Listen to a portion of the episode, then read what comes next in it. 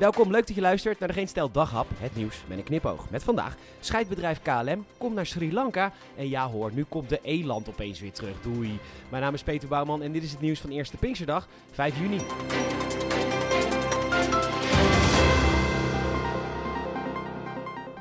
Gisteren kwamen dus 42 KLM-toestellen leeg aan op Schiphol, waarbij waarschijnlijk duizenden mensen gestrand zijn in verschillende Europese steden. En dus zou je zeggen, vergoeden die bende. Hotels, ongemak, nieuwe vlucht, gederfde inkomsten, omdat sommige mensen niet naar hun werk konden.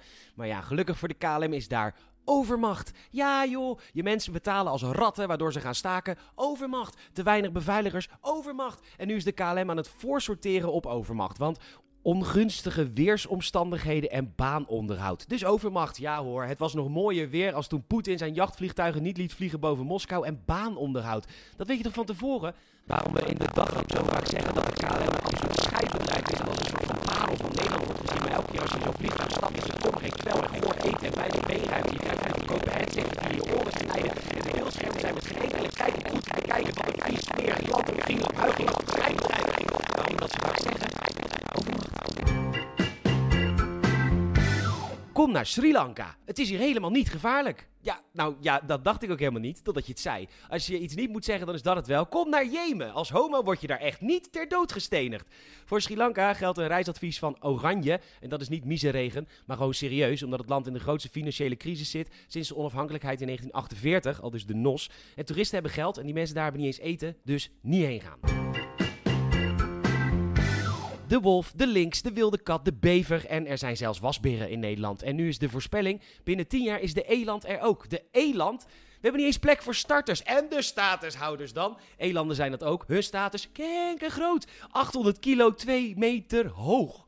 Jeroen Helmer werkt voor stichting Ark Natuurontwikkeling. En in 2004 voorspelde hij welke dieren allemaal terug zouden keren in Nederland. Volgens het AD werd hij toen net niet uitgelachen, maar bijna al zijn voorspellingen zijn al uitgekomen.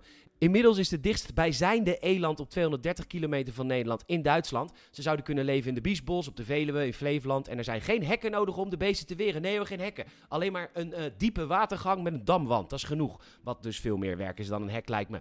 Over 25 jaar heten we de mammoet, wolharige neushoorn en sabeltandtijger welkom. Het Bentwoud ligt tussen Zoetermeer en Benthuizen en daar zijn vandalen actief. Ze slopen borden, trekken palen uit de grond en op de speeltoren, waar dus veel kinderen spelen, tekenen ze overal piemels. En nu zie ik dus een plaatje en dat is... Dat is, dus, dat, is, dus, dat is een piemel. En uh, dat is niet grappig, want iedereen die ziet die, die, ziet die pikken. En dan hebben ze van die... Um, van die ballen eromheen getekend, van die, uh, van die haartjes erop. En dat zijn dan echt van die enorme palen. een soort, uh, soort, soort, soort knots. En uh, dat is dus echt heel erg, want dat is dan een enorme fluit die je daar... Of een jonge heer, of een sikkel, of een, nou ja, een roede. en dat is dus echt super vervelend. Want dat is echt helemaal niet leuk. En pikken. Ik weet niet of ik hier nu voor moet oproepen naar dat stukje van net. Maar please, rate ons even 5 sterren in Apple Podcast en in Spotify. En laat even een vriend of vriendin of familielid weten over deze podcast. Mond-tot-mond reclames ook heel erg belangrijk. Nogmaals bedankt voor het luisteren. Tot morgen.